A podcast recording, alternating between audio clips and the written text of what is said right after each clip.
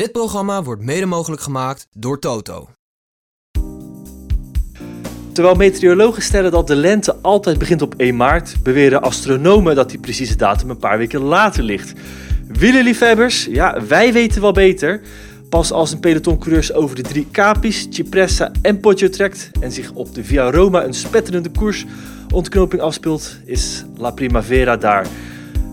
Hij gaat beginnen. Het eerste monument dient zich dit weekend aan en we gaan daar in deze podcast uh, uitgebreid over hebben. Juri, wie gaat winnen? Dat ga ik, uh, nou, ik denk over een minuut of, uh, nou, zullen we het in 20 minuten proberen? Ga ik het dan verklappen. ik vrees dat dat een lastige opdracht uh, gaat zijn. We gaan het niet alleen hebben over de Milaanse. We hebben natuurlijk onze prijsvraag over Ride Magazine, waarin je het zomernummer eh, kunt winnen en kunt meedingen naar een jaarabonnement. Bericht van de week, daarmee gaan we eventjes weg van het wielrennen, maar het heeft ook maatschappelijke relevantie. Het gaat over het grensoverschrijdend gedrag en wat wij daarvan gemerkt hebben of van vinden. Um, en er is veel meer gekoers deze week. Ronde van Drenthe. We gaan eventjes uh, een portretje maken van Perstrand Hagenes. Wie? Ja, dat gaat Jury uh, vertellen. Uh, Milaan Turijn, de oudste koers, heeft weer een nieuwe Nederlandse winnaar. En hoe die weg daar naartoe is gegaan, daar gaan we het ook over hebben. Maar het grootste gedeelte, en daar beginnen we mee, is Milaan Sanremo. Leuk dat je luistert. Dit is de Wielenflits podcast. Wie kwam er vorig jaar als eerste over de Poggio? Uh, dat is een goede vraag. Søren Krauw Andersen? Ja, maar de samenvatting dus niet teruggekeken of de nee, finale. Dat, is, uh, dat doe ik nooit. Dat zit, uh, die film zit in mijn hoofd. Ja, nee, ik had het wel eventjes moeten doen, maar het was inderdaad uh, Kreg Andersen. Al had ik dat wel geweten, want hij droeg daar zo. Dat was een van de eerste keren, of eigenlijk droeg hij al van het seizoen, maar die, die drive brillen. En een van die foto's op de Poggio heeft volgens mij uiteindelijk ook het zomernummer van Wright gehaald. Uh, omdat het ja, was, uh, was een mooie actiefoto van uh, Craig Anderson. Die, en ik weet wel dat ik toen ook tegen. Nou, dat was een verhaal in Wright over de innovaties bij Team DSM. En daarvoor heb ik ook met Iwan Spekenbrink gesproken. Dus ik denk, nou, ik complimenteerde hem. Het was natuurlijk vorig jaar niet het beste, allerbeste seizoen. Ook al het voorjaar niet. En dat ik zei van, nou ja, hij was er wel de allerbeste op, op de Poggio. Nee, hij was de allersnelste en niet per se de beste, want uh, ja, hij won niet. Toen dacht ik van, ja jongen, uh, maak ik hier een compliment? En werd hij alsnog vakkundig afgeserveerd. Maar het was inderdaad uh, Søren Andersen die als eerste over de potje kwam. Maar ja, daarna redelijk snel werd ingehaald door uh, Matemo Mohoric, de eindwinnaar. En ja, ik heb die volledige afdaling nog eens een keertje rustig teruggekeken. En het gevoel wat daarna een beetje overheerste van... misschien heeft, krijgt hij wat te weinig credit voor die afdaling. Want wat hij daar deed, het was echt... Nou goed, ik, ik zeg dat niet snel, maar het was wel fenomenaal. Ja, nee, zeker. Kijk, hij is uh, een van de beste dalers in het peloton. Misschien wel de beste. Um, en ja, goed, de manier waarop hij dat deed, heeft, daarmee heeft hij wel gewoon Milan Sanremo kunnen winnen. Um, want het gat wat hij daarin slaat, ja, dat is, dat is uiteindelijk het gaatje geweest waardoor hij kon winnen. En uh, hij had het toen ook vooraf uh, aangekondigd. Heeft nog tegen Pogacar in de koers gezet. Uh, probeer me niet te volgen in de afdaling, want dat wordt je dood. Of, of iets in die strekking. en hij had natuurlijk zijn dropperpost. had nooit iemand over nagedacht. Een um, ja, attribuut wat eigenlijk gemeengoed is in het mountainbiken. Waarmee je dus je zadel kunt laten zakken. En zeker in het mountainbike is dat ja, gigantisch bruikzaam, omdat je daardoor heel steile afdalingen hebt. En als je dan heel eventjes je zadel naar beneden kunt uh, laten veren, hè, gewoon laten wegschieten. Het is een soort luchtdrukpatroon zit daarin. Um, ja, daardoor, daardoor zit dat zadel niet in de weg. Ja, en, en komt ook je, je hele zwaartepunt wat lager uh, te liggen. Precies, en uh, nou ja, dat, dat is dus wat hij heel erg goed gebruikt heeft vorig jaar. Door die dropperpost te gebruiken. Waardoor hij dus later, lager op het zadel zat. Meer druk op het achterwiel. Uh, en ja, daardoor kon hij zo fenomenaal dalen zoals hij dat vorig jaar gedaan heeft. En ik weet nog dat ik toen met, uh, met Gerben de Knecht een uitgebreid artikel daar nog over gemaakt heb. Een dag later. Die zei ik, ja, ik snap niet dat, dat er nog nooit iemand anders geweest is in een wegkoers die dit gebruikt heeft. Want iedere rit of iedere klassieker die eindigt na een afdaling, ja, dan met een dropperpost heb je daar altijd 100% voordeel. Ja, dat was een beetje het verhaal na afloop van vorig jaar. Um, want hij had er niks over gezegd vooraf. Hè. Het was wel, eh, ik geloof dat tijdens de koers dat het naar buiten kwam. En ook op foto's van bij de start dat het zichtbaar was dat, er, dat, hij met een dropperpost reed. Uh, of ging rijden. Um, ja, wat ook wel opvallend dan is, het is wel een stukje zwaarder dan de gewone wegfiets. Dus uh, weet je, voordeel in de afdaling, maar wel een nadeel bergop. Maar dat is dus als je dus goed genoeg bent om dat te compenseren. Hè. We, we spreken ook niet over kilo's extra die je mee moet slepen. Um, en ja, weet je, als je zelf weet dat dat ding, ik noem maar wat, uh, 800 gram zwaarder is en je zorgt zelf dat je 800 gram vermagert in de week voor Sanremo, dan is het probleem al opgelost. Ja, maar dus, goed, dat gaat niet zo snel, hè? Voor die nee, dat, dat, dat, snap ik wel. Maar goed, ja, uh, weet je, dat is wel waar het om draait. En ja. en ja, goed, dat heeft hij vorig jaar perfect uitgebuit. Dan zou je zeggen, dropperpost, uh, dat gaat uh, komend jaar, uh, dus dit jaar iedereen gebruiken. Maar het antwoord, nope. Nee, Mohoric zelf gaat er wel weer mee rijden. Nu is het in ieder geval geen verrassing meer. Maar we hebben bij de, nou ja, zeg maar de voornaamste ploegers gehoord van... Goh, wat gaan jullie doen? Uh, nou, bij de voornaamste ploegen rekenen wij dan Jumbo-Visma, um, Alpecin de Koning en uh, Soudal Quickstep. Uh, die natuurlijk ook een aantal favorieten in de ploeg hebben. Die gaan het alle drie niet doen. Nee, bij Soudal Quickstep, ik heb het bij de perschef neergelegd en die zegt... Of ze moeten het mega geheim houden, dan weet ik het zelf nog niet. Maar ik heb er nog niks over gehoord, dus volgens mij niet. Dus daar nog een kleine nou. slag om de arm. Ook bij uh, DSM hebben we toch uh, nog even neergelegd uh, als Nederlandse ploeg. Um, en dan was het antwoord ook kort en krachtig. nee, gaan we niet doen. Nee, en de, nou ja, bij Jumbo-Visma was eigenlijk een beetje hetzelfde strekking. Zei, ja, volgens mij niet. Ik ga nog even navragen, maar als je niks meer hoort, dan blijft het antwoord nee.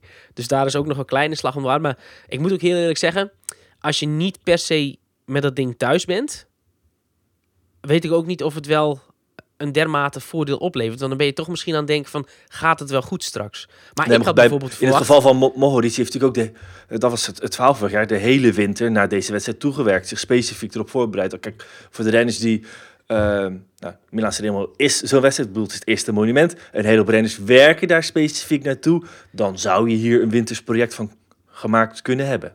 Ja, nou ja, goed. De enige renner waarvan ik denk van, goh, ja, die zou het kunnen, ook kunnen proberen, is Van de Poel of een Pitcock. Uh, Pitcock start ja. natuurlijk niet, omdat hij uh, lichte hersenschudding heeft. Van de Poel start wel, uh, maar ik snap wel waarom hij daar niet voor kiest, want Van de Poel hoeft niet te winnen in de afdaling. Die kan op andere manieren winnen. En ja, goed, daarom snap ik wel als je met een gewone fiets die sprint aan wil gaan, want daar ja. heeft hij gewoon de meeste kans. Alleen, ja, Mohoric is wel het voorbeeld van een renner die hier uitermate... Hè, de, de, ja, en we hebben het hier idee... ook over, over marginal gains, wat het uh, Precies, verbetert. en wat niet voor iedereen... Uh, ja, niet voor iedereen een voordeel oplevert, maar juist voor Mohoric vorig jaar wel. Ja, we gaan het heel veel hebben over Milan Sanremo. Laten we even verder gaan um, met het parcours. Uh, ja, Milan Sanremo heet de wedstrijd, maar um, ja, dat is niet meer letterlijk het geval qua parcours. Voor het eerst buiten de poorten van Milaan wordt er uh, gestart. Abbiategrasso. Het had ook Japan kunnen liggen, op de manier hoe ik het misschien uitspreek. Maar het is toch echt ten zuidwesten uh, van, van, uh, van Milaan. Um, Juri, jij bent natuurlijk wel altijd wat, wat sentimenteler aangelegd dan ik. Is dit een grote schande?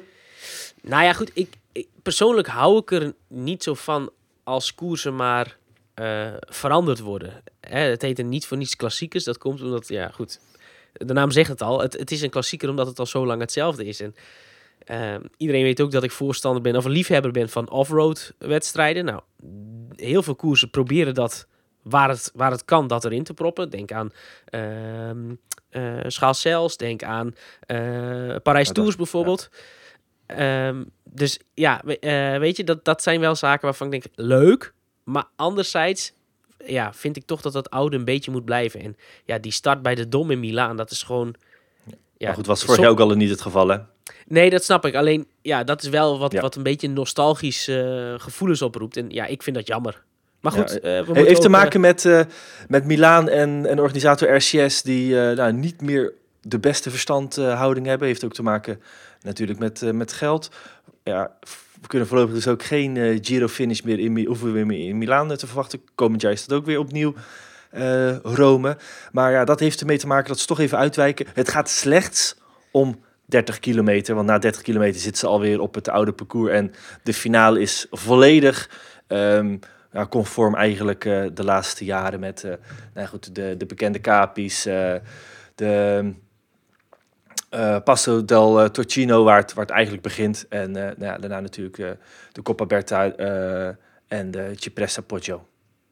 En finish op de Via Roma. Ja. We gaan het hebben over de favorieten. En er zijn er nogal wat van.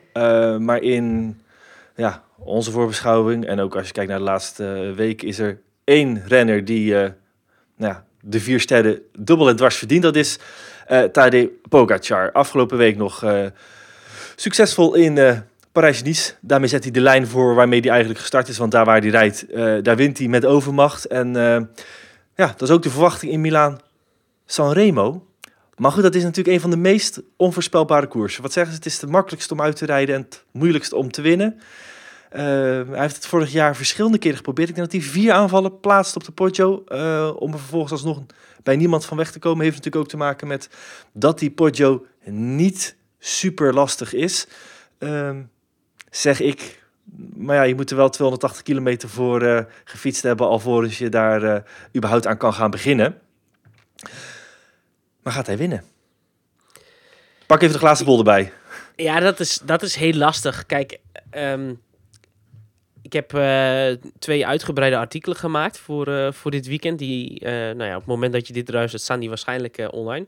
Ehm, enerzijds met een aantal oude klassieker specialisten, waaronder Nicky Terpstra. En die zei, ja, iedereen weet waar hij moet aanvallen. Dat is het stelste stukje op de Poggio. En ja, iedereen zal zich daarop focussen. Dus iedereen weet ook dat ze daar met hem mee moeten zitten. Alleen hij is wel zo sterk dat hij daar wel zou kunnen wegrijden. Alleen die kans is niet heel erg groot. En ja, dan is het de vraag: wie zit er mee en, en is er iemand sneller dan hem? Ehm, maar ja, Nicky zei ook: ja, goed. Jarenlang wordt gezegd: hè, op Cipresse gaan is zelfmoord. Maar als er iemand kan die dat wel op kan schudden, juist omdat iedereen verwacht dat hij nu op de Poggio gaat, is het wel Pogacar. Ja, het is natuurlijk wel wat eh, eigenlijk voor de topfavoriet de laatste jaren steeds eh, geldt. Dat die zou kunnen gaan op de potje. Maar goed, feit is natuurlijk ook altijd dat de groep, het peloton, dan nog altijd veel te groot is. En er veel te veel manschappen zijn om uiteindelijk naar die Cipressa, ja, dat, dat stuk tussen eh, eh, eigenlijk weer naar, eh, naar de afdaling van de Cipresso en de voet van de Poggio, ja, dat is gewoon net te lang. Langs de kust, vaak in wind slechte richting, ja, daar, daar voorop blijven, is gewoon quasi onmogelijk. Nou ja, in je eentje wel. Ehm, maar kom je daar met een paar man weg, dan is het een ander verhaal. Alleen ja, goed, voor hetzelfde verhaal sprak ik ook met Erik Dekker. Die zegt ja, voor iedereen geldt, als Pogacar gaat op Cipressa, zitten blijven. No way dat je hem volgt, want ja, dan breng je gewoon je eigen kansen om zeep. Dus ja, het, dat, het is gewoon heel lastig. Hij heeft eigenlijk maar over 300 kilometer eh, gezien. 500, 600 meter de kans om weg te rijden. Ja, en dat is wat laatste stuk Poggio, eh, denk jij? En eh, daar zal het moeten gebeuren. Ja. Ehm, we gaan het lijstje favorieten aflopen. En daarmee, eh Juri, de opdracht om het beperkt te houden qua, qua outsiders. Ga kijken Nou, of dat gaat lukken. het is me redelijk gelukt dit keer. Ik vond namelijk niet dat er zoveel outsiders waren. Ja. Behouden ze tien favorieten. Ja, het zijn vooral ehm, van, de, van de favorieten ook een hoop waar toch nog een vraagteken achter staat. Of in ieder geval waar de twijfels over eh, zijn. Nou, te beginnen bij, eh, hij, heeft, de sterren niet, hij heeft de sterren wel gehaald. Eigenlijk, daar moeten we ook nog over hebben trouwens. Eh, er was natuurlijk best wat kritiek gekomen op onze voorbeschouwing, die nou, wat vroeger dan anders online is gekomen. Het is een, ja, een kleine beleidswijziging. We hebben ervoor gekozen om de voorbeschouwing al op maandag online te zetten en niet wat we normaliter doen, twee dagen van tevoren, om de simpele reden dat ja, er geen heel eh, spannende koers meer ertussendoor zat, waar in ieder geval de topfavorieten aan de start staan. Na Tirreno en eh, Parijs-Nice is de volgende koers voor de meesten pas weer zaterdag eh, voor Milaan Sanremo. Uitzondering daar gelaten. Bijvoorbeeld een eh Biniam Girmay, die wel nog Milaan-Turijn heeft gereden. Maar goed, dat heeft ons toe besloten de voorbeschouwing iets naar voren te halen. Ook om gewoon de voorpret te vergroten. En we hebben natuurlijk het voordeel dat we de voorbeschouwing kunnen aanpassen. Nou, dat was ook nodig, want een van de renners die we wel hadden opgenomen in de favorieten was vanzelfsprekend de winnaar van eh, de Strade Bianche met eh, Tom Pitcock. Die vanwege de gevolgen nog van een eh, val ja, niet start. Dus Nee. hem niet. Maar goed, als we nog even kijken, hoe, hoe eindigde zijn wedstrijd vorig jaar? Weet je dat nog? Dat is een goede vraag. Hij reed niet, want hij had darmklachten. Nee, hij reed wel, maar moest al op de kapies eh moest hij al lossen. Heel vroeg in de wedstrijd eh, hield het eh, voor hem al op. Ehm, hij is er dus niet bij. Voor wie eigenlijk naar, naar wie nu het geweer van schouder verandert, dat weet ik eigenlijk niet. Binnen uh, Ineos. Nee, ja. Ze hopen dat Ghana wat kan uitrichten. Ben ik wel heel nieuwsgierig naar. Want ja, goed, die moeten in ieder geval niet wachten op die sprint. Maar eigenlijk ook niet op de Poggio. Ehm, dus ja, ik ben wel benieuwd hoe ze dat dan gaan klaarspelen. En voor de rest, ja, zal het een rol in de marges zijn met mannen als Narvaez en, en misschien ook wel een Magnus Sheffield. Alleen eh, op dit moment, hè, we nemen op, eh, het is nu half twaalf op donderdag, is de selectie van ehm eh, Ineos Grenadiers eh, nog niet bekend. En ja, ze hebben natuurlijk met Kwiatkowski wel een oud winnaar in de ploeg, die dit ook heel goed zou moeten kunnen. Maar, die vond Maar ook al een aantal eh, weken niet zijn beste vorm toont. Nee, die vond ik toch allerminst overtuigend. Maar aan de andere kant, dat was vorig jaar ook zo toen hij in één keer de Amsterdam Gold Race won. Dus je mag hem nooit uitvlakken, want dat heb ik ook al eens eerder gezegd. We spreken hier wel over een van de beste renners van zijn generatie. Kijk maar zijn palmarès eens na. Ja, dat zijn wel de type renners die zomaar ineens kunnen opstaan. En dan ja, eh, als outsider hier de boel kunnen verrassen. Ja, en zeker nu er een, eh, een groot gat valt in eh, zijn ploeg met, met Pitcock. Mathieu van der Poel. Eigenlijk even grote vraagtekens. Nou goed, ietsje kleiner. Maar wel vraagtekens. Nou ja, ja en nee. Ehm, ja, als in dat hij ze zelf heeft, want anders spreekt hij dat niet uit. Eh, ik ken Mathieu als iemand die, als hij goed is, dat dat ook gewoon zegt. En als hij slecht is, dat, dat hij daarover twijfelt. In die twee klassieke ritten, zo noem ik het maar, in Tirreno Adriatico, moest hij vroeg passen. In die bergrit hing hij er dan weer veel langer aan dan ik verwacht had. Ehm, maar wat, ja, wat ik vooral dus heel opvallend vond, eh, zijn die lead-outs die hij deed voor Philipsen. En vooral die eerste. Daar moet je echt heel goed voor zijn, wil je dat kunnen op die manier. En eh, nou ja, ik heb dus, wat ik zei, ook een aantal eh, ehm, oud klassieke specialisten gesproken. En die zeiden allemaal eigenlijk hetzelfde. Eh, van ja, daar, daar, zij zagen allemaal, oké, hij is goed. Hij is misschien nog niet in zijn allerbeste vorm. Alleen, ehm, ja, Nicky Terpstra, nogmaals, zei dat wel heel mooi. Hij zei, ja, dit is eigenlijk de week dat het, dat het allemaal goed komt. Want ehm heeft natuurlijk een paar weken terug dat WK gewonnen. Het WK veldrijden. Vervolgens heeft hij eh, een aantal even gerust en daarna op de weg gaan trainen. Ehm, en vervolgens is het, eh, ja, is het dus zo dat hij ehm, eh, in deze week eigenlijk die rust krijgt na, na een koersprikkel, na een wedstrijdritme opdoen. En dat het vanaf nu super compenseren wordt. Dus hij zegt, het kan best wel eens zo zijn dat in één keer vanaf zaterdag alles op zijn plek gaat vallen. Ja goed, wij weten ook nog van vorig jaar. Ehm, dat was eigenlijk eh, vandaag een jaar geleden dat in één keer s'avonds dat nieuwsbericht oppopte. Van der Poel start in de Milaanse Remo. En wij allemaal dachten, huh? Ehm, nog even ter herinnering. Had natuurlijk last van zijn rug. Daardoor een heel tijdje even aan de zijkant eh, gestaan. En in één keer keerde die vanuit het niets terug in Milaanse Remo. Toen ook van, wat kan je doen in je eerste koers? Nou ja, goed, dat hebben we gezien. Werd derde, reed een heel knappe koers daarin. Ehm, wat ook maar weer zegt dat ja, zeker Sanremo zijn wedstrijd is dat je er wel weer in één keer kunt staan. Nu, heb, nu hebben we al veel meer van hem gezien. Hè? Ehm, in Milan of in uh, was het echt werken voor hem. Ehm, daar zag je dat gewoon ook aan die fietsstijl van hem, dat het eh, ploegen was. Ja, in Tirreno een beetje op en af, maar wel steeds meer op dan af. Ja, gaat hij dan op tijd zijn voor Sanremo? Dat is denk ik wel een beetje de sleutelvraag hier. Ja ik, ja, ik denk dus van wel. Ik denk dus inderdaad, als je met die rust nu die supercompensatie krijgt, uh, dat er heel veel te doen valt. En ja, laten we ook wel vooral wezen dat Sanremo wel de koers bij uitstek is waar je niet 100% hoeft te zijn om te winnen. Eh, mooi stukje in de krant, ik weet even zo niet meer welke, in een Belgische krant van de week met Jasper Stuyven. Die zei ja, in die Sanremo die ik won was ik heel goed, maar zeker niet degene met de beste conditie. Alleen ik won wel. En, en dat is iets wat, wat, wat wel kan. En dat heeft hij dus vorig jaar ook bewezen. Ja, rijdt Mohoric niet weg en rijdt Turgi niet weg in, in, de, in het laatste deel.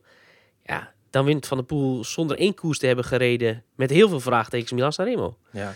en anders dat moeten we ook, ook nog benadrukken. Toen we Philip Roodhoofd tijdens het trainingskamp vroegen in januari... welke koers willen jullie winnen? Was dat Milan Sanremo? En sprak ook Van der Poel uit dat dat een hoofddoel was. Nu kan het natuurlijk veranderd zijn, maar ik denk toch dat ze een beetje eh, ja, eh, de schone schijn afhouden. anders dit jaar voor hem ook is dat hij niet meer de enige, enige speerpunt is binnen de ploeg. Absoluut niet, want nee, je kunt er zelfs mis- misschien wel eh, tot vier komen als je gaat kijken. Ik weet niet of ze allemaal starten. De voorlopige selectie is, nog, is, is wel bekend. Ik Ja. zou knikken. Ehm, want je hebt Van der Poel, je hebt Søren Kjær Andersen. Nou ja, dat hebben we vorig jaar gezien, eh, dat hij toch in ieder geval dichtbij kan En komen. het jaar met stuiven. Ja, precies. Ja, hij, eh Stuyven mag hem nog altijd eh, op zijn knietjes bedanken voor het blijven rijden. Ehm, Jasper Philips hebben we. Goed, wel de vraag, kan hij als sprinter dit overleven? Maar absoluut niet kansloos daarin. En Quinten Hermans. Nou, dat die, die Poggio eh, en de Cipressa kan overleven, nou, dat staat wel buiten kijf. Ehm, ook rap. Dus het zijn vier, ja, vier eh, man voor Alpes in de Keuning die mee zouden kunnen. Ja, nog wel een grappig feit, want ehm eh Krach Andersen, nou, daar komen we straks nog wel. Maar in ieder geval wel inderdaad vier mensen die, die dat kunnen. En hè, zei, ja, misschien ben ik wel naïef, maar ik moet geloven dat ik Milan Sanremo kan winnen. En ik denk dat dat kan. Als hij de Poggio weet te overleven, als Pogacar namelijk niet weg kan rijden, kan het gesloten blijven. En met Hermans en met Krauw Andersen kan Alpecin de Koning echt spelen. Want iedereen weet als Philipsen het overleeft, oké, die, die, die gaan we hier niet in een sprint kloppen. Ik denk dat Van der Poel zich dan op dat moment weg zou kunnen cijferen in dienst van Philipsen, omdat hij sneller is, betere sprinter eh, en dus meer winstkans heeft. Maar iedereen zal dan ook naar Philipsen kijken en daar kunnen Krah Andersen en Hermans in dat ene moment, wat altijd er is na de afdaling van de Poggio, wat altijd even stilvalt, dat moment kunnen zij allebei wegrijden en dan ook winnen. Maar zijn juist niet Hermans en een eh Craig Anderson juist van die pionnen die je misschien juist wel op de Cipressa moet laten gaan? Renners die kunnen winnen, maar die wel ook de hele boel kunnen. Het is een beetje kamikaze actie, maar het is wel iets. Het zijn wel renners die, waarmee je de koers volledig kunt ontregelen. Ja, maar ik verwacht zelf dat als er een ploeg iets probeert daar, dat dat eh UAE Emirates gaat zijn. Met een Trentin, met een Kovi, met Ulissi eh, en met Pogacar misschien zelf wel. En op die manier een overtal kan, kan creëren. En ja, eh, ik sprak ook met Aard Vierhouten voor Pogacar. Die zegt, ja, er is één ploeg die heel goed is in het, in het gokken en in het afhouden. En dat is Alpecin de Koning. Die, Ja. kunnen, die kunnen als enige eigenlijk zeggen tegen Jumbo-Visma, UAE Emirates en alle... Jongens, we zijn niet de grootste ploeg. Doe maar. Ja, dat, dat, En die, durf, die durven te gokken. ja, goed, maar dat is natuurlijk ook eh, volledig eh, een ploeg die dat kunt doen. Eh, vorig jaar waren de UAE Emirates en Jumbo-Visma die eh, eigenlijk het heft in handen namen in de finale. En dit jaar gaat dat niet anders zijn. Eh, dat is ook een, een vorm die ze het hele voorjaar tot nu toe eigenlijk al aanhouden. Daar waar ze rijden, rijden ze eigenlijk met de borst eh, vooruit op kop van het peloton. Eh, en dat zal bij Jumbo-Visma niet anders zijn. Eh, ook in de uitslag van vorig jaar. Hè, je- hij kwam met zijn handen over de, in de lucht over de streep. Ehm, Jan Tratnik werd negende. Toen dus nog bij Bahrein Victorious. Nu opnieuw bij, of nu dus bij Jumbo-Visma. Eh, die hebben ze er ook bij Jumbo-Visma bij. Maken we gelijk even de stap naar die ploeg. Mhm. Is nog niet volledig bekend. Maar eh, wat er op staat, met, met Wout van Aert als, als topfavoriet, Nathan van Hooijdonk, Jan Tratnik, met Christophe Laporte. Jij hebt hem zelfs bij de outsiders gezet. Een toelichting daarop? Nou ja, hij heeft één ster gekregen, maar hij is natuurlijk ziek geweest in Parijs-Nice. Heeft er op Parijs-Nice gemist. Ehm, ja, en vaak is Parijs-Nice of Tirreno Adriatico wel essentieel om te rijden, om die laatste paar puntjes eh, vorm bij te, eh, verzamelen richting Milan Sanremo. Ehm, dus wat dat betreft, ja, is hij eigenlijk voor mij een dark horse. Omdat we gewoon niet weten wat zijn status is ten opzichte van de rest. Ehm, maar ja, waar iedereen dus spreekt over Pogacar, dat die misschien wel ja, bepaalt wie de koers wint of verliest. Ehm, heb ik dat ook bij Adrie van der Poel neergelegd. En die zegt, de sleutel voor deze koers is niet in handen bij Pogacar, maar bij Jumbo-Visma. Die moeten de koers winnen en dat kan ook, want hij verwacht dat er misschien wel vier renners van Jumbo-Visma de Poggio overleven. Waarvan hij in ieder geval verwacht dat en Van Aert en Laporte en dus Tratnik daarbij zijn. Ja, en als dat zo is... En wie is die vierde? Ja, dat kon iedereen zijn. Alleen die drie verwacht hij, uh, verwacht hij er sowieso. Um, dus ja, als dat inderdaad ook zo is, ja, dan heeft de rest het ook zitten. Want dan, Ja. dan mag Jumbo-Visma die koers en kunnen ze hem eigenlijk ook niet verliezen. Maar mogen ze hem ook niet verliezen. Ja, ja, op basis van eh, de renners die nu bekend zijn met Attila La Valter, zou je zomaar die als vierde kunnen hebben. Ehm, kijk, waar, waar je natuurlijk ook altijd ziet, is na die afdaling van de potje, dat er altijd een moment is, zeker als één renner vooruit is, dat het heel even stilvalt. En altijd kom je dan manschappen tekort. En het is zelden dat een ploeg meer dan twee renners eh, daarin heeft zitten, waarvan de eentje zich durft eh, te offeren. Want zit in die achtervolgende groep en je maakt zelf kans om op te winnen. Dus in dat opzicht ben ik er wel heel benieuwd van, is bij Jumbo-Visma echt alles voor Wout van Aert die erbij zit? Ja, of, of gaan daar toch ook renners eh, alsnog eh, misschien wel de vrijheid krijgen om, om voor zichzelf te kunnen, te kunnen rijden?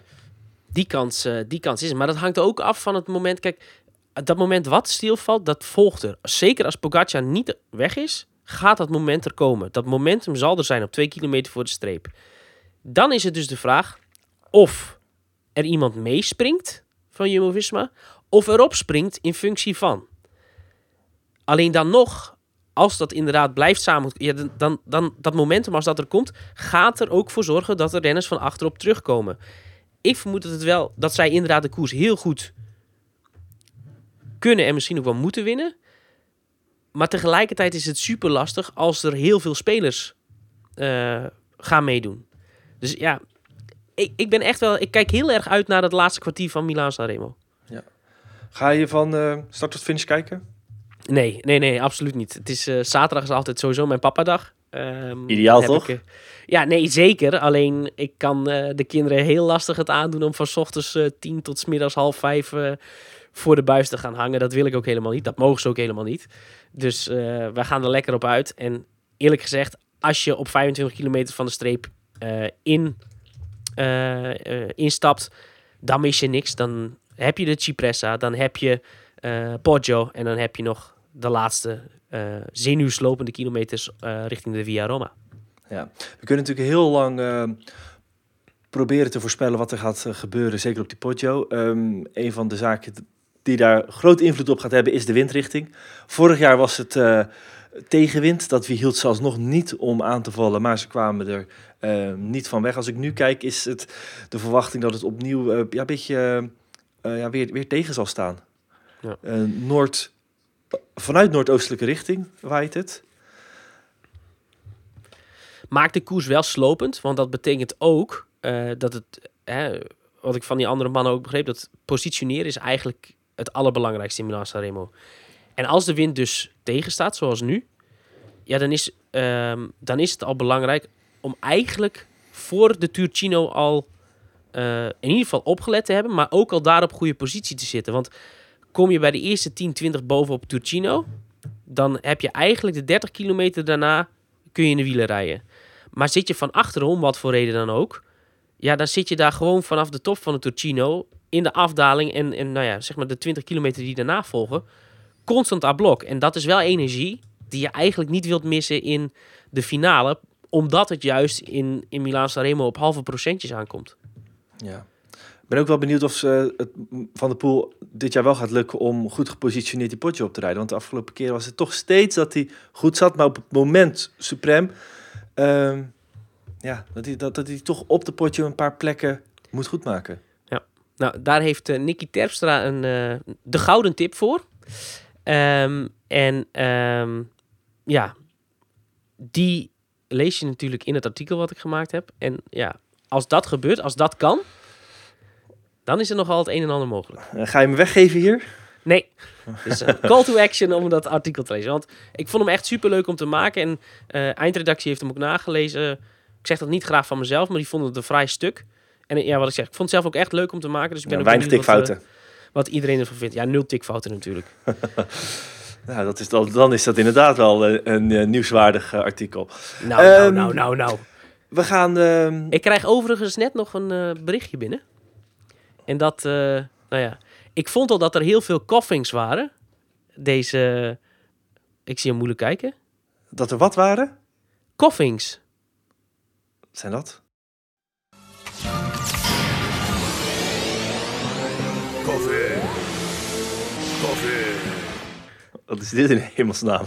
Ken je het niet? Een Pokémon. Heel Niet. goed. En, en koffing was altijd die, die gifpokémon. Die dat rookgordijn eh Precies, opviel. precies. Ja, en ja, ja, er hangen nogal wat rookgordijnen rond eh, in richting eh, die Poggio. En ik krijg nu net weer zo'n berichtje binnen van Jumbo-Visma. Ehm, want die, het, het antwoord was nee, over die dropper post. Maar hier komt Koffing nog een keer om de hoek. Het antwoord is eigenlijk dat we hier vooraf geen uitspraken over doen. En dat geldt over het algemeen Ja, in strategische zeggen, overwegingen. dat, dat, weet je, bij Jumbo-Visma kan dat echt twee kanten uit. Dan kan dat ze het gaan gebruiken, maar ze zijn natuurlijk ook eh, heer en meester in om, eh, nou ja, wat je zeggen, een rookgordijntje mee op te hangen. Door hier gewoon een beetje, ja, eh waar ik zeg, ja joh, waar, waar, waar doe je hier moeilijk over? Maar ja, eh, alles, alles kan tellen. En eh, als het maar een, een microprocentje helpt om dichter bij die overwinning te komen, dan zullen ze dat niet nalaten. Oké, oké, oké, dat geeft toch een... een nieuwe wending. Het wordt. ik denk dat er nog nooit zoveel mensen straks geïnteresseerd gaan zijn en naar, naar het dak, op het dak van die auto's gaat kijken van wat voor fietsen staan er en wat voor zadelpen steekt erin. Eh, we vergeten bijna nog eentje, want ik wilde al doorgaan naar het volgende onderwerp. Maar we vergeten nog één interessante ploeg en dat is geen World. Dat is Lotto Destiny. Want daar natuurlijk Caleb Ewan, ehm, die droomt van deze koers. Het is echt eh, ja, voor hem het enige monument wat hij kan winnen. En wat voor, voor hem eh, eigenlijk geldt voor alle sprinters. Maar die heeft dit jaar ook nog eens Arno de Lee. Dat is in januari al besloten van dat die, eh, dat die samen wel eh, naar Sanremo zouden kunnen gaan. Toen was eh Ewan daar nog volledig mee over te spreken. Zeg alleen maar fijn, dan valt die druk niet volledig op mijn schouders. Is al twee keer tweede geworden, is al heel dichtbij geweest, maar heeft hem nog niet. Maar ja, toen kwam in één keer de Lee. Die ging goed fietsen, die ging steeds beter fietsen. winnen, winnen, winnen. Wat gaat die tactiek worden? We weten het niet. Ze hebben nog niet gesproken. Dat gaat eh, vrijdag gebeuren. Dat gaat deze podcast helaas niet halen. Goed, ook daar kan wel eens een rookgordijn worden opgehangen. Ja. Maar eh, wat denk jij? Nou ja, ik heb me daar heel eventjes in verdiept natuurlijk voor deze podcast. En eh, we moeten niet vergeten dat Arnaud de Lee nog altijd pas tweedejaars prof is. En in Parijs-Nice zijn eerste rittenkoers op World Tour niveau reed. Die reed hij niet uit, stapte na zes ritten uit... met daarbij de uitleg dat hij eh, moest herstellen van de inspanningen in die koers. En dat vond ik toch wel best wel opvallend. Ehm, want eh, ja... Oh, was, ook sprint- niks meer te halen voor hem, hè? was niks meer te halen. Maar ook daar eh, heeft hij niet zoveel vertrouwen getankt. Want qua positioneren, juist dat wat key is in Ja. Milaan Sanremo, ging voor geen meter in die koers. Dus ik weet niet in hoeverre de Lee met heel veel vertrouwen afreist. Aan de andere kant, ik weet niet of je... Volgens mij was dat de koers in 2016 nog herinnerd. Eh, toen was eigenlijk Fernando Gaviria eh, booming en opkoming. En die zou dan ook Sanremo rijden om te leren. Maar het is dat hij het wiel van zijn voorganger aantikt op 300 meter van de streep. Anders had Gaviria, die Milan Sanremo, misschien wel kunnen winnen. Die kans achter ik heel groot. Nou, kwam ten val uiteindelijk won Demar. Zo'n scenario zie ik best zitten. En we moeten heel eerlijk zijn dat Caleb Ewan de laatste week ook allerminst overtuigend is. Eh, en die dus met De Lee als factor in de ploeg zit. Maar daarbij wil ik wel de kanttekening maken dat Ewan natuurlijk een veel ervarene renner is. eh, dat abonnement op dat podium heeft. En dat ook wel gehaald heeft al compleet uit het niks. Dat we al van tevoren zeiden van ja, hij is niet goed en eh, wordt niks voor Milan Sanremo. En plots ging hij met de beste mee over de Poggio. En sprintte hij naar een tweede plek. Het zou niet de eerste keer zijn dat dat nu weer gebeurt. Want die uitleg daarna was steeds... Ja, ik wist wel dat ik minder ging sprinten. Omdat ik juist veel meer moest trainen op die inspanning bergop. Om de Poggio überhaupt te overleven. Waardoor ik dus in die wedstrijd in aanloop... Eigenlijk sprintsnelheid eh ingecalculeerd verloor. Maar waardoor ik wel in staat was Milan Sanremo te winnen. Ik denk dat hij opnieuw hetzelfde heeft gedaan deze winter. Ja, eh, en voor de Lee, die meegaan. Kijk, eh de Lee zou moeten profiteren, is, is mijn verwachting, van zo'n moment dat het stilvalt. Hij meegaan ehm, met de aanvallen van Van Aert, van Van der Poel, van Pogacar, van Alaphilippe. eh daar waar Ewan wel mee kan, lijkt mij dat Lee eh, daar toch net wat te veel body voor heeft. Maar op het moment dat het wel stilvalt en hij kan een goede afdaling eh, rijden en wel nog in, misschien de tweede waaier mee naar boven rijden, dan is het niet ondenkbaar dat hij er nog bij zit. Maar hoe gaan ze het dan aanpakken? Hè? Ik bedoel, ik zie Lee wel een sprint aantrekken voor Ewan. Maar ik heb nog nooit Ewan een sprint zien aantrekken voor een andere renner. En daarbij kun je ook afvragen hoeveel profijt heb je van zo'n kleine pocket eh, sprinter die, ja. ja, als die voor jou eh, gaat versnellen. Nee, dat klopt. En, maar goed, De Lee is ook wel iemand die alleen kan sprinten. Alleen ik verwacht dan toch, als zo'n situatie inderdaad komt dat ze allebei van voren komen, dat het dan toch een soort, eh, ja, de Darwin-wet optreedt. En dat een Ewan toch gaat zeggen, ik ben hier de sterkste, jij bent de jonge renner die net komt kijken, je eerste Milan Sanremo weet. We weten niet hoe jij reageert op een sprint na 300 Ja. kilometer, want zo'n grote koers heb je nog nooit gereden. Jij gaat voor mij aantrekken. Ja. En dan moet de Lee wel van heel erg hoge huizen komen als hij zegt, eh, ga ik niet doen. Nou ja, eh, Ewan, en Ewan heeft niet per se, goed dat geldt ook voor de Lia, maar die heeft niet per se een lead-out nodig. Hè. Dat, het kan ook aangehaakt zijn bij, bij iemand anders. En wat als die twee eh, nou ja, bij, de, bij de top 6 rijden? Het aantal eh, punten wat je kunt rapen, hè, UCI-punten, we halen het toch maar weer eventjes bij, is Ja. natuurlijk gigantisch in een eh eendaagse World Tour koers als deze. Ehm, richting de promotie-degradatie kan je hiermee een, een gigantische stap zetten. Maar goed, dat zal nooit prevaleren boven een, eh, een overwinning. Of een korte Nee. ereplaats zelfs. Nee, zeker niet. Dus dat eh, ja, gaat interessant zijn om dat te volgen. Gaan we door. We gaan naar de prijsvraag. Zijn we er al door? In Sanremo wel, ja, Juri. We zitten op eh, meer dan eh, al 36 minuten te eilen over eh Milan Sanremo. Oké, nou goed. We hebben nog een aantal mannen gemist, maar prima.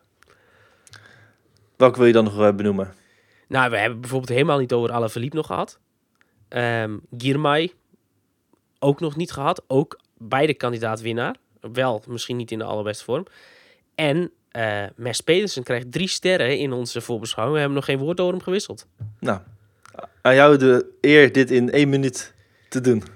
Nou ja, goed. Moest wel opgeven in die laatste bergrit in Parijs-Nice. In de groene trui. Eh, met daarbij de mededeling van Trek. Symptomen van verkoudheid. We komen hierop terug. Mag jij raden wat er gebeurd is? Geen idee. Nooit op teruggekomen. Dus die hebben een reden gegeven voor zijn opgave. Ik vermoed dat er niet zo heel veel aan de hand is. En ja, had Milan Sanremo nooit gereden omdat hij dacht dat hij niet kon winnen? En weet je nog als hoeveelste Mes Pedersen vorig jaar de Poggio-ronde? Ja, dat was, eh, als ik mij niet vergis, ergens in eh, plek 6. eh, Hij werd zesde inderdaad. En ja, goed. Ik denk dat hij dus heel goed... Hè, zijn voorseizoen is echt top geweest. Dat hij straks eigenlijk als onzichtbare factor... Want iedereen heeft over Van der Poel, over Van Aert... over Pogacar, over Alaphilippe, over Girmay... over zelfs Mohoric. Maar over eh, Pedersen hoor je niets. En dat kan wel eens de doodsteek zijn voor de rest. Want we moeten niet vergeten dat Pedersen echt een goede renner is. En als je vorig jaar zesde kon, wonnen, eh, kon worden, kun je ook winnen. Alaphilippe. Alaphilippe heeft zelf het gevoel, had in Tirreno Adriatico voor het eerst weer het gevoel, zei hij, dat ik in de buurt ben van mijn allerbeste niveau. Sinds tijden. Alleen dat er wel nog wat bij moet richting de belangrijke koersen. Ik verwacht wel dat hij op de Poggio mee kan, maar niet dat hij daar de forcing zelf doet. Ehm, dus verwacht ik niet zoveel van. Om maar meteen door te gaan naar Girmay. Maakt zich geen zorgen, maar zegt ook nog geen 100% te zijn. Eh, maar hoopt het stilaan wel te bereiken. Zou dit, deze koers ook fantastisch moeten aankunnen. Maar heb ik dan ook zoiets van, ja goed, die zie ik dan ook niet dan mee met de rest gaan? Nou ja, je ziet, je ziet hem ook de laatste weken hè, van, van de week nog in eh Milaan-Turijn, waar die dan... eh het was wel een hectische finale waar wat gebeurd is. Dat kan hem hebben opgehouden. Ehm, maar die dominante indruk die hij, eh, laten we zeggen, vorig jaar ook bijvoorbeeld in, in, die- in die Giro-rit had... dat spat er nog niet bij hem vanaf. Nee, dus... Goed, ehm, hè, Milan Sanremo is wel zo'n wedstrijd waar dat in één keer kan omslaan. Maar lijkt me meer een renner die iemand nodig, eigenlijk nog een mannetje nodig gaat hebben na die Poggio. En ja, de vraag is wie dat gaat zijn bij, eh, bij Intermarché. Ja, nee, klopt. Dat is de vraag. Ehm, maar hè, hebben we bijvoorbeeld wel het scenario, wat we net al een paar keer uitzetten, dat het dus stilvalt achter, Ja. eh, hè, na de afdaling van de Poggio en er keert een omvangrijke groep terug. EF Education Easy Post heeft dan de ploeg om dat moment te gebruiken. Met Maunus Kort, ook al laat hij het eigenlijk tegen klassiekers altijd afweten. Met Bettiol, met Honoré en met Paulus hebben die vier man die op dat moment waar niemand achteraan gaat rijden. Ja. Is Betty al volledig hersteld?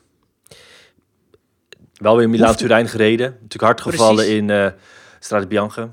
Ja, maar hoeft dus, ja, die, die kan dat wel. Op de, juist daarom is dat de ploeg waar, waar het kan. En, laat ik dan toch nog maar eens een gekke naam droppen. Dit is de klassieker die 100% op het lijf geschreven was van de iets jongere Peter Sagan. Rijdt al twee, misschien drie jaar achteruit. Niemand houdt meer rekening met hem. Dit zou best nog wel eens in zijn allerlaatste seizoen op zijn plek kunnen vallen. nou, dan ga ik zeggen, eh, droom, droom lekker verder, Juri. ja, Nou, het, goed. het, het zou wat zijn als het gaat gebeuren, maar nee, dit, eh, dit is eh, gewoon een gepasseerd eh, station, lijkt het wel. Die, die, die gaat misschien nog ergens één push hebben. Ik zie nog eerder Daan- Daniel Os weer in de afdaling van de Cipressa een mooie stoot uithalen. Het zou misschien leuk zijn als, als Sagan daarbij aanhaakt. Hè. Os komt uit die buurt, die kent die koers als zijn broekzak. Goed, misschien moet je niet eens mee in het wiel willen zitten, want het is, het is gevaarlijk. Eh, zo hard gaat dat daar naar beneden. Maar nee, ja. Het is jammer om te zien hoe zo'n kampioen eigenlijk een beetje aan het wegkwijnen is in zijn laatste jaar. En dan, eh, dan nog... eh Milan Sanremo is ook dichtbij geweest, heeft hem nooit gewonnen. En ik vrees dat het eigenlijk bij gaat blijven. Eén naam, wie wint er? Ik ga voor een. ehm, Nou goed, ik heb even gekeken naar. eh, laten we zeggen toch dat we onze voorbeschouwing op waarde mogen schatten. Ik heb even naar de laatste tien jaar gekeken. Ehm, twee keer dat de renner met vier sterren ook daadwerkelijk won. 2014 met Christophe. En die andere, welke denk je? Ik denk Nee, dan nou, is een- dat is een gaat. Nee, dat was 2020 met Wout van Aert, corona-jaar. Dat eh Milan Sanremo in eh, augustus werd eh, gereden. Toen was het ook het geval. Ik ehm, zie toch wel opnieuw... eh, misschien Alex Aramburu, Movistar. Zet het in bij de wetkantoren en als hij wint ben je slapend rijk maandag. Ik Kun je denk meteen dat je ontslag nemen. Ik denk dat je dan eh, eh, een hoop centjes kunt verdienen. Nou ja, ik ben natuurlijk eigenlijk altijd Mr. Safe, hè? Mhm. Ehm, dus ik moet die eer wel, wel vast of eer aan blijven doen. Dus ik ga rechtstreeks tegen de echte kenners in. Het werd gewoon eh Tadej Pogacar. Ik heb dit op het web gevonden voor rechtstreeks tegen. Oh, en ik is heb het dit ermee op het eens. web Ja. gevonden voor slap gelul. En jij? Eh, normaal had ik natuurlijk altijd Michael Matthews gezegd. Als Matthews-adept. Maar eh, die heeft corona, is er niet bij. Ehm, en ik ga nu vol inzetten op Søren Krauw Andersen. Die heeft natuurlijk al een paar keer een rol gespeeld in die finale. Eh, is niet slecht in vorm. Kan profiteren van al die verschillende renners die in die finale mee kunnen. En zei tegen mij in januari: Ik heb een geheim plan opgesteld om Milaan Sanremo te winnen. Ik weet hoe ik moet winnen nu. Dus ik zei, nou, ben heel benieuwd. Zei, maar dat ga ik lekker niet zeggen. dus ik ga versmachtend voor de televisie zitten zaterdag. En ik ben heel benieuwd wat Søren Krauw Andersen bedacht heeft. Het wordt de, in ieder geval de spannendste 10 minuten van het eh wielerjaar. Nou, van maart. van het jaar. We gaan door naar de prijsvraag. Ehm, in de aflevering van vorige week zijn we begonnen met, eh, met een prijsvraag. Eh, de opdracht van vorige week was... In welke Deense stad werd Jonas Vingegaard groot gehuldigd... na zijn Tour de France overwinning in 2022? Dit zijn vragen allemaal gelieerd aan artikelen in de nieuwe Ride seizoensgids. Juri, wat denk je dat het antwoord was? Poeh, wat is de hoofdstad van Denemarken ook alweer? Ja. Nou, het antwoord... eh, goed. Het werd... eh, Stockholm? Het was, het was eh, Kopenhagen. En na loting onder alle goede inzenders is de prijs gewonnen door Rick Meeuwis. Gefeliciteerd. Jij krijgt de Rijd Zomergids thuisgestuurd zodra die uit is. En dat zal ergens eh, halverwege of eind mei zijn. Ehm, de opdracht van deze week is... Wat is de modelnaam van de crossfiets van Thibaut Nijs? Noem het merk en de modelnaam. Nou, weet jij het antwoord? Ga naar rightmagazine.nl slash prijsvraag. Je kunt het antwoord ook lezen in eh, de seizoensgids van uh, Magazine. Onder alle inzenders maken we tevens, maak je tevens, eh, of verloten we een jaarabonnement. Dus daar maak je kans op. Wil je nou Right bestellen, de seizoensgids? Dat kan met kortingscode podcast. Krijg je 2 euro korting. Dat kan je allemaal vinden op Ehm, nogmaals opdracht. Wat is de modelnaam van de crossfiets van Thibaut Nijs? Noem het merk en de modelnaam. Het antwoord kan je invullen op rightmagazine.nl slash prijsvraag. Gaan we door naar het bericht van de week. Waarin we eh, nog eens even stilstaan bij het ja, meest gelezen bericht van eh, de afgelopen zeven dagen. Ehm, en dat is wel een ehm, bericht wat zijdelings over wielrennen gaat. maar wel het publieke debat flink heeft bezig gehouden. En dat gebeurt niet zo heel erg vaak met artikelen bij ons op de website. Hè. Het wielrennen domineert niet het algemene nieuws. Afgelopen week was dat wel het geval. Het gaat over de, de column van Marijn de Vries. Over het grensoverschrijdend gedrag dat zij heeft ervaren in haar tijd bij de avondetappen. Ehm, zij is daar zo, eh, schrijft daarin dat ze voor een langere tijd binnen de, eh, tijdens de avondetappe onjuist is eh, bejegend. Zou gaan om eh, uitspraken die gedaan zijn door, door Danny Nelissen. Ehm, heeft er overigens nog niet op eh, gereageerd. Ehm, en is allemaal naar aanleiding van een eh, onderzoek dat NOS Sport naar zichzelf had ingesteld als gevolg van ja, ook de bedorven sfeer bij Matthijs van Nieuwkerken. Heeft bijzonder veel losgemaakt. ehm, en nou ja, dat zie je ook wel op Wielerflits. eh bijzonder veel reacties erover. Heeft natuurlijk ook te maken met nou, het verhaal over rond wat de Volkskrant eh, heeft gebracht. Want daar is natuurlijk ook heeft het mee te maken. Die eh, ja, is gedoken in de cultuur binnen NOS Sport. waaronder ook Tom Egbers inmiddels tijdelijk van de buis is verdwenen. Jury, ja, wij zijn geen vrouwen. We hebben dus ook het... eh, in dat opzicht eh, kunnen wij hier eh, lastig over meespreken. Maar jij wel op die redactie meegelopen. Ehm, hoe heb jij hiernaar gekeken? Ehm, nou ja, toch was ik wel enigszins verrast. Ik heb het voetbalseizoen 2018-2019 eh, mm, ja, op de redactie van NOS Sport gewerkt. Bij het radioprogramma Langs de Lijn. Ehm, maar dat was wel op de centrale redactie. Ja, ik moet heel eerlijk toegeven, ik was er drie, vier dagen per week. Mij is het nooit opgevallen. Ehm, ja, je kunt, je kunt misschien sommige dingen als pesterijtjes zien. Ik woon natuurlijk op Ameland en er werd vaak het grapje gemaakt. Oh, ben je weer eh, met de boot hier naartoe gevaren? Ja, ik kon dat wel hebben. Ik heb dat nooit ervaren als, als een pesterijtje. Ehm, maar ja, goed, je, zou dat wel kunnen, als dat maar zich blijft opstapelen, dat, dat een beetje gek aansteken, ja, daar zou, dat, daar zou je dat kunnen opvangen. Ik zit alleen niet zo in elkaar. Ehm, nou ja, er werd wel, ja, je werd hard afgerekend op fouten. Eh, ik heb dat altijd ervaren van, ja goed, we zitten hier wel op de redactie van de NOS. Misschien wel de grootste sportredactie van, van Nederland. Je speelt eigenlijk Champions League. En als, als de rechtsback van Ajax bewijs van een slechte wedstrijd speelt, wordt hij ook gewisseld.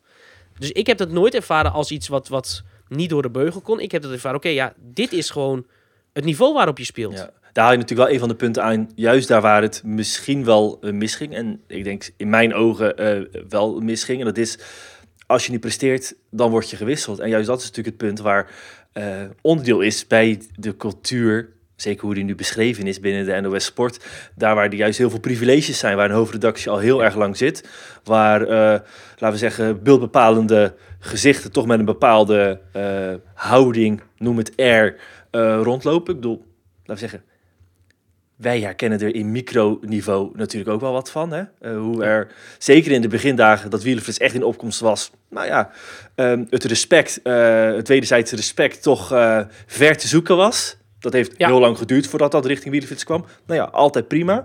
Eh, wat, wat ons, ik bedoel, wij, wij, wij doen ons ding, eh, zij het hunne. En het kan prima naast, naast elkaar bestaan. Ja, kijk, eh, wat mij ook wel ehm, aan, aan opviel, net als dat bij die bedorven bij Matthijs van Nieuwkerk een publiek geheim was, was het eigenlijk die cultuur bij NOS Sport ook. Goed, het seksuele, misplaatste ja, ja, en, en, en bederfelijke uitspraken, goed, daar, goed dat, dat is een heel andere categorie. Maar juist hoe die, hoe die redactie werkt en ook, nou goed, hoeveel toch wel talentvolle collega's kennen wij die het geprobeerd hebben bij de NOS en eigenlijk nooit een kans hebben gekregen en uiteindelijk een toch van, eh, nou ja, afgestompt zijn, eh, afgedropen eigenlijk. eh, en zeggen van jongens, dit is misschien niet mijn wereld. Nee, dat klopt. En dat, dat is wel triest en ook schrijnend. Alle situaties die beschreven zijn. Hè, dat, is, dat is gewoon niet gezond en hoort ook niet eh, in, in Nederland, vind ik. Ehm, aan de andere kant is het ook wel weer zo. Een van de situaties die beschreven is in de Volkskrant, daar was ik zelf bij. Eh, dat was het, het voorbeeld waarbij ehm, eh, PSV tegen Emmen voetbalde volgens mij en Ajax tegen Herenveen.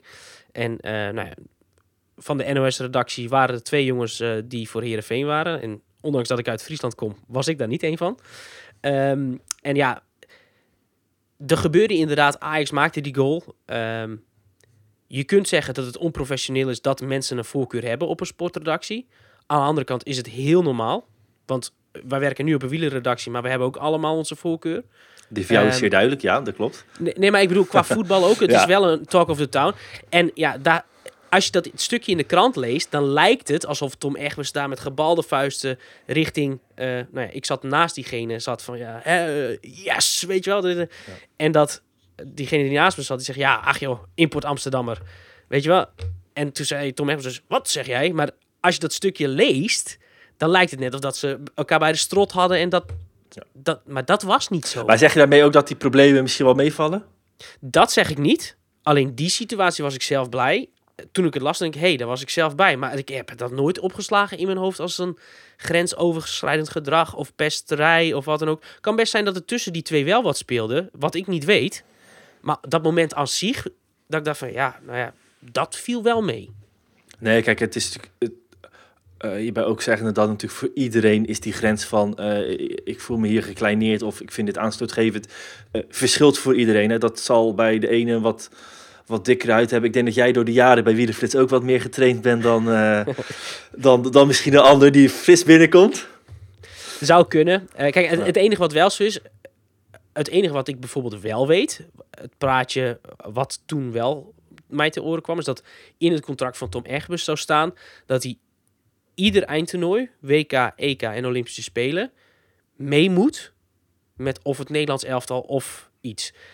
En ja, het is natuurlijk wel een van de dik betaalde eh, mensen binnen de NOS. En als Ja. je bijvoorbeeld naar Rio de Janeiro moet of, of eh, nou ja, noem maar een Olympische Spelen ergens ver in het buitenland, ja, dan kun je aan de belastingbetaler niet uitleggen dat je Tom Egbers betaald moet meenemen en dan nog een tweede presentator die dan, hè, wat hij ook kan, ook meeneemt om te betalen. Dus eigenlijk creëert hij daarmee dus wel een, een machtspositie dat ze eigenlijk niet om hem heen kunnen. En dat is natuurlijk niet gezond. Nee. Het is zelfs zo dat je uiteindelijk de hele cultuur bij ehm, de NOS Sport gewoon niet losstaat van de opkomst van wielenflits. Ik, weet nog, ik, ik heb HBO-journalistiek gedaan en in die begindagen, eh, ja, het was gewoon, het werd veel over gesproken over gewoon de, beperkte aantal kansen wat je eh, kreeg bij, eh, bij de sport.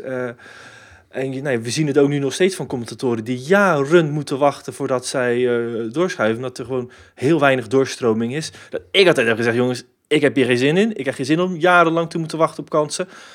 Ik ga het gewoon proberen op, op eigen kracht. Of via een andere weg. Nou, dat is in dit geval toen aangesloten bij een heel klein wielerwebsiteje wat wielerflits.nl heet. En dat is door de jaren, nou, wonden wel eh, enigszins gelukt.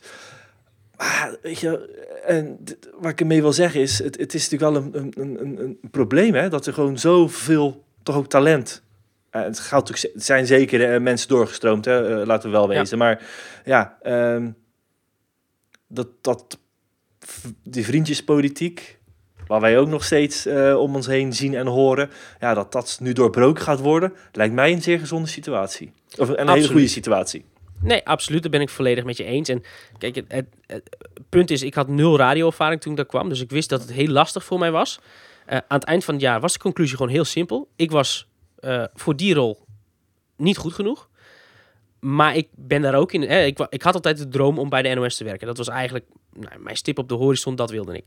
En ik ben er wel achter gekomen dat jaar. Ik zal niet zeggen dat ik een illusie armer ben en een ervaring rijker. Want dan, dan druk ik eh, dan druk daar veel de nadruk op. Maar ik heb toen wel gedacht, ja, alles wat ik hier niet kan, kan ik bij Wielenflits wel. En dat vind ik veel leuker. En toen heb ik eigenlijk voor mezelf de conclusie gemaakt, oké, NOS, bin there, done that. Maar Wielenflits is hetgene waar ik me thuis voel. Dit eh, onderwerp zal eh, echt nog wel een keertjes gaan terugkomen, want het laatste zal hier nog niet over gezegd en geschreven zijn. Voor deze podcast laat het wel even bij dit aanleiding hierover te hebben, is dat het het ja, best gelezen bericht van eh, de week is geweest. Overigens, het tweede best gelezen bericht hing hiermee eh, samen. Dat eh, ging over de, nou ja, de klacht die is ingediend tegen, tegen Danny Nelissen. Er is nog veel meer gekoerst de afgelopen week. Ehm, Ronde van Drenthe onder andere op eigen bodem. En eh, nou, daar won Per Strand Hagenes. Wij, hij, is al hier al eens gevallen in de podcast. Ehm, wij weten dat dit renner is voor de toekomst eh, om naar uit te kijken. Ik had wel een beetje het idee dat misschien een iets minder getrainde eh, wielerfan of minder eh, fanatieke wielerfan hier het toch ook een beetje... Althans, ik moest terugdenken aan Mark Cavendish Scheldeprijs 2007 dat in één keer een onbekende renner toch een, mooie prijs omdat ik denk, huh? Dit, deze gaan een beetje geflatteerd op een toch wel prachtige deel, of, erelijst komen te staan. En later blijkt het eigenlijk een parel. Zeker als hij als eerste bij jou eh, ja, je hebt zien ontbolsteren. Ja. Lijkt, het zou mij niet verrassen dat dat ook eh, het geval is bij Perstand Hakens. Nu denkt een hoop mensen nog van, huh? Wie? Ehm, maar dat gaat over, eh, misschien al over twee jaar eh, geheel anders zijn. Nou ja, dat denk ik wel. De manier waarop hij deze koers naar zich toetrok, dat, daar staat alles in. Koersvernuft, gochme, koersinzicht, op het juiste moment aangaan, de kracht hebben om het, om het ook vol te houden. Ik, ik zag die aanval live en ik dacht, oh, dit is er een. En dat had ik al een keer eerder gezien, moet ik heel eerlijk toegeven. Hij werd natuurlijk wereldkampioen eh, in Leuven in 2021. Voor eh, dat andere grote toptalent, Romain Gregoire. Ehm, een week later zat ik in een café op Carrefour de Larbre voor een reportage in Ride. En voor de profwedstrijd van Parijs-Roubaix rijden de junioren hun wedstrijd. Ik weet niet of jullie het nog herinneren, maar het was beestenweer die dag. Het was in oktober, die oktobereditie. Nou, iedereen smeekt al jaren om regen. Dat hebben we toen voor vijf jaar wel gehad ongeveer. Drie man komen daar in die haag, wat nog niet zo gevuld was als bij de profs natuurlijk. Drie man, drie junioren komen daar door die haag Carrefour de Larbre op. Eén grote gestalte, een Noor. En dat was Per Strand Hagenes in zijn regenboogtrui. Achter hem Alex Segaard, ook al zo'n groot talent, ook zo'n grote motor. Die echt als een beest zat af te zien in zijn, wier, eh, in zijn wiel. En achter die twee zat nog Stian Fredheim, een eerste jaar. Echt een, een vliegertje toen nog, echt heel jong, klein. Nu is hij wat groter, ook, gaan we ook heel veel van horen nog. Ehm, maar dat was een sprintertje. En Hagenes heeft toen Segaard zo afgemat in die laatste 12 kilometer. Vervolgens op eh, de wielenbaan van Roubaix die sprint aangetrokken. En Fredheim won, omdat eh Segaard op papier sneller is dan Hagenes. Nou, dat werd de 1, 2, 3. Ehm, mooie anekdote nog over hem ook, over die Hagenes. Die ging daarna dus naar Jumbo-Visma, naar die opleidingsploeg. In december van 2021 hadden ze een kamp in Noorwegen. Daar gingen ze langlaufen. En, nou ja, eh Lou van Bellen vertelde me dat. Ze, ja, alle Nederlanders die daar waren, ja, die, die hadden een hart in hun keel zitten. Die waren echt super hard aan het afzien. En het enige wat hij deed was vertellen over zijn hond. En dat hij langlaufend graag naar een bepaalde cabin trok. En bla bla bla bla bla. Die bleef, naar, bleef maar praten. En op een gegeven moment dat de mensen echt kwaad werden. Dat Ze waren echt maximaal aan het afzien, aan het buffelen. En hij was gewoon daar met zijn handjes op zijn rug, onder diezelfde hartslag, rustig alles aan het vertellen. En ja, dat bleek ook dus dat hij graag praat, graag vertelt. Soms iets te eh, veel praat, maar dat het wel echt een eh, gezellige gast is. En ja, dat hij ook heel goed in de groep ligt. En ben ook wat, bij wat talenten buiten die ploeg gaan horen. En nou, toen kwam op een gegeven moment dus ook naar voren dat eh, in Parijs Tours 2022, die hij ook won, rijdt hij op dat laatste klimmetje uit het zadel weg. Iedereen uit het wiel. Kunnen maar twee volgen. En nou, net voor de top eh, denkt een van die twee jongens, eh, jongens eh, Ramses de Bruyne, die denkt van ja, goh, ik ben mee, ik ga hier finale rijden. En toen ging hij nog een keer uit het zadel. En was de rest gezien. Reed alles en iedereen weg. Dus ik heb gevraagd, oké, bij Jumbo-Visma, bij de ploegleiding, wat is dit nou voor rennen? Wat kan hij? Want bij de junioren won hij ook klimkoersen. Maar ze zien in hem dus een, een toekomstig groot klassieker potentieel. Ja, terwijl we niet vergeten, hij is pas 19 jaar. Sinds vorig jaar bij de opleidingsploeg van eh, Jumbo-Visma. Rijdt hij overigens nog steeds. Maar vanwege die wisselregeling eh, kan hij dus mee eh, met de World formatie in niet-World. Nou, dat is de Ronde van Drenthe. En wint dus als gastrenner. Ook nog eens met zeer dominant fietsen. Wel weer, ik bedoel, de weersomstandigheden leken misschien een beetje op die Roubaix waar jij bij was. Want Ja. het, was, het was hondenweer. Bruine gezichten kwamen over de finishlijn. En ja, wint hij die wedstrijd. Ehm, hij was ook al actief in Kuurne Brusselkuurne, ook op, eh, in, met die wisselploeg eh, mee. Eh, en daar waren ze ook al vol over het werk wat hij vroeg in de wedstrijd deed. Nou, werd ook een succesvolle koers natuurlijk met de 1 en 2 van eh Ties Benoot en Nathan van Hooijdonk. Ja, nu is dus die piepjonge gast al, ja, zich al eigenlijk in, in, in, in, prachtig, bedoel, Ronde van Drenthe is een 1.1 koers. Hij rijdt volgende week ook Olympia's Tour. En ik zal proberen om een, eh, om een stukje met hem op te nemen... die we dan volgende week in deze podcast kunnen laten eh, luisteren. ja, en, en misschien een, eh, een leuk portret. Want we gaan nog heel wat jaartjes waarschijnlijk in Nederlandse dienst zien. Van volgend jaar maakt hij officieel zijn World Tour debuut. en heeft een, al een contract tot en met 2026. Dus drie jaar World Tour debuut. Of, contract. Milan Turijn werd afgelopen week ook gereden. Ja, Juri, het is een koers die volledig overhoop is gegooid. Het was een, eh, een, een klimkoers. Sinds vorig jaar weer een sprinterskoers gewonnen. Toen won Cavendish. En nu won... Ik ben heel benieuwd hoe de Italianen het zouden uitspreken. Dat heb ik eigenlijk niet, niet gehoord.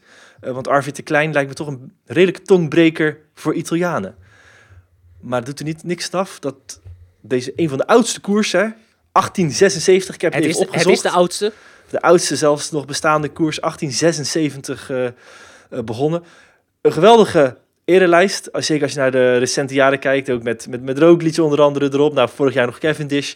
En nu weer een Nederlandse sprinter succesvol met Arvid de Klein. Ehm Onverwachts dat hij wint? Niet helemaal. Het stond gewoon in onze sterren. Wel maar eentje. Maar klopt niet de minste. Nee, en, en het is vooral ook heel knap. Want Arvid is een renner die eigenlijk heel lang tegen dat profdebuut heeft aangehikt. Eh Puttenkapelle gewonnen, Druivenkoers gewonnen. eh, goed bij eh Babydump, goed bij eh Metec TKH. Waar? Metec TKH. En nou ja, goed. Heeft, heeft eigenlijk heel lang tegen, dat, tegen de beroepsrenners aangehikt. Maar dan kreeg hij een zware blessure. Of dan zat er weer iets tegen waardoor hij net niet steeds eigenlijk dat contract binnenhengelde. Toen had hij hem eindelijk in 2019 bij Rival Securitas. Hield die ploegen mee op. Dus ja, het is wel een jongen die eh, niet altijd het vertrouwen heeft gekregen. Maar wel altijd het vertrouwen zelf gehouden heeft. En ja, eh, ging toen na Rival naar Human Powered Health. En heeft afgelopen winter de overstap gemaakt naar het nieuwe Tudor. En ik sprak hem nog heel eventjes gisteravond. Zei ja, ik ben echt zo super blij eh, dat ik ook deze zegen aan het team kan geven. Want we hebben hier echt zo hard gewerkt aan, eh, aan de lead-out. Eh, nou ja, ik denk dat is toch best wel opvallend. Want nou ja, hij was echt het team super dankbaar. En het is een nieuwe ploeg. Dus dat is best wel, nou ja, is het wel eens zoeken. En toen heb ik nog even contact gezocht ook met Michael Zeilaat. Die een fantastische lead-out Ik wou het zeggen, als je kijkt, even knap als het winnen van de sprint is, eh, zeker in dit geweld, de lead-out. Ja, nou en die zei dus ook van ja goed, we krijgen hier echt super veel vertrouwen. eh super goede begeleiding. De sfeer is onderling ook heel goed. Eh, dus ja, ik voel me hier super comfortabel bij en, en ik kan mijn draai goed vinden. En ja, dan lukt dus wat we gisteren met z'n allen hebben laten zien. Ehm een van de architecten daarvan is de 22-jarige Rick Pluimers. En dan denk je van, nou, hoe kan dat nou? Die is dus koerskapitein geweest, gisteren en ook al in een aantal andere koersen.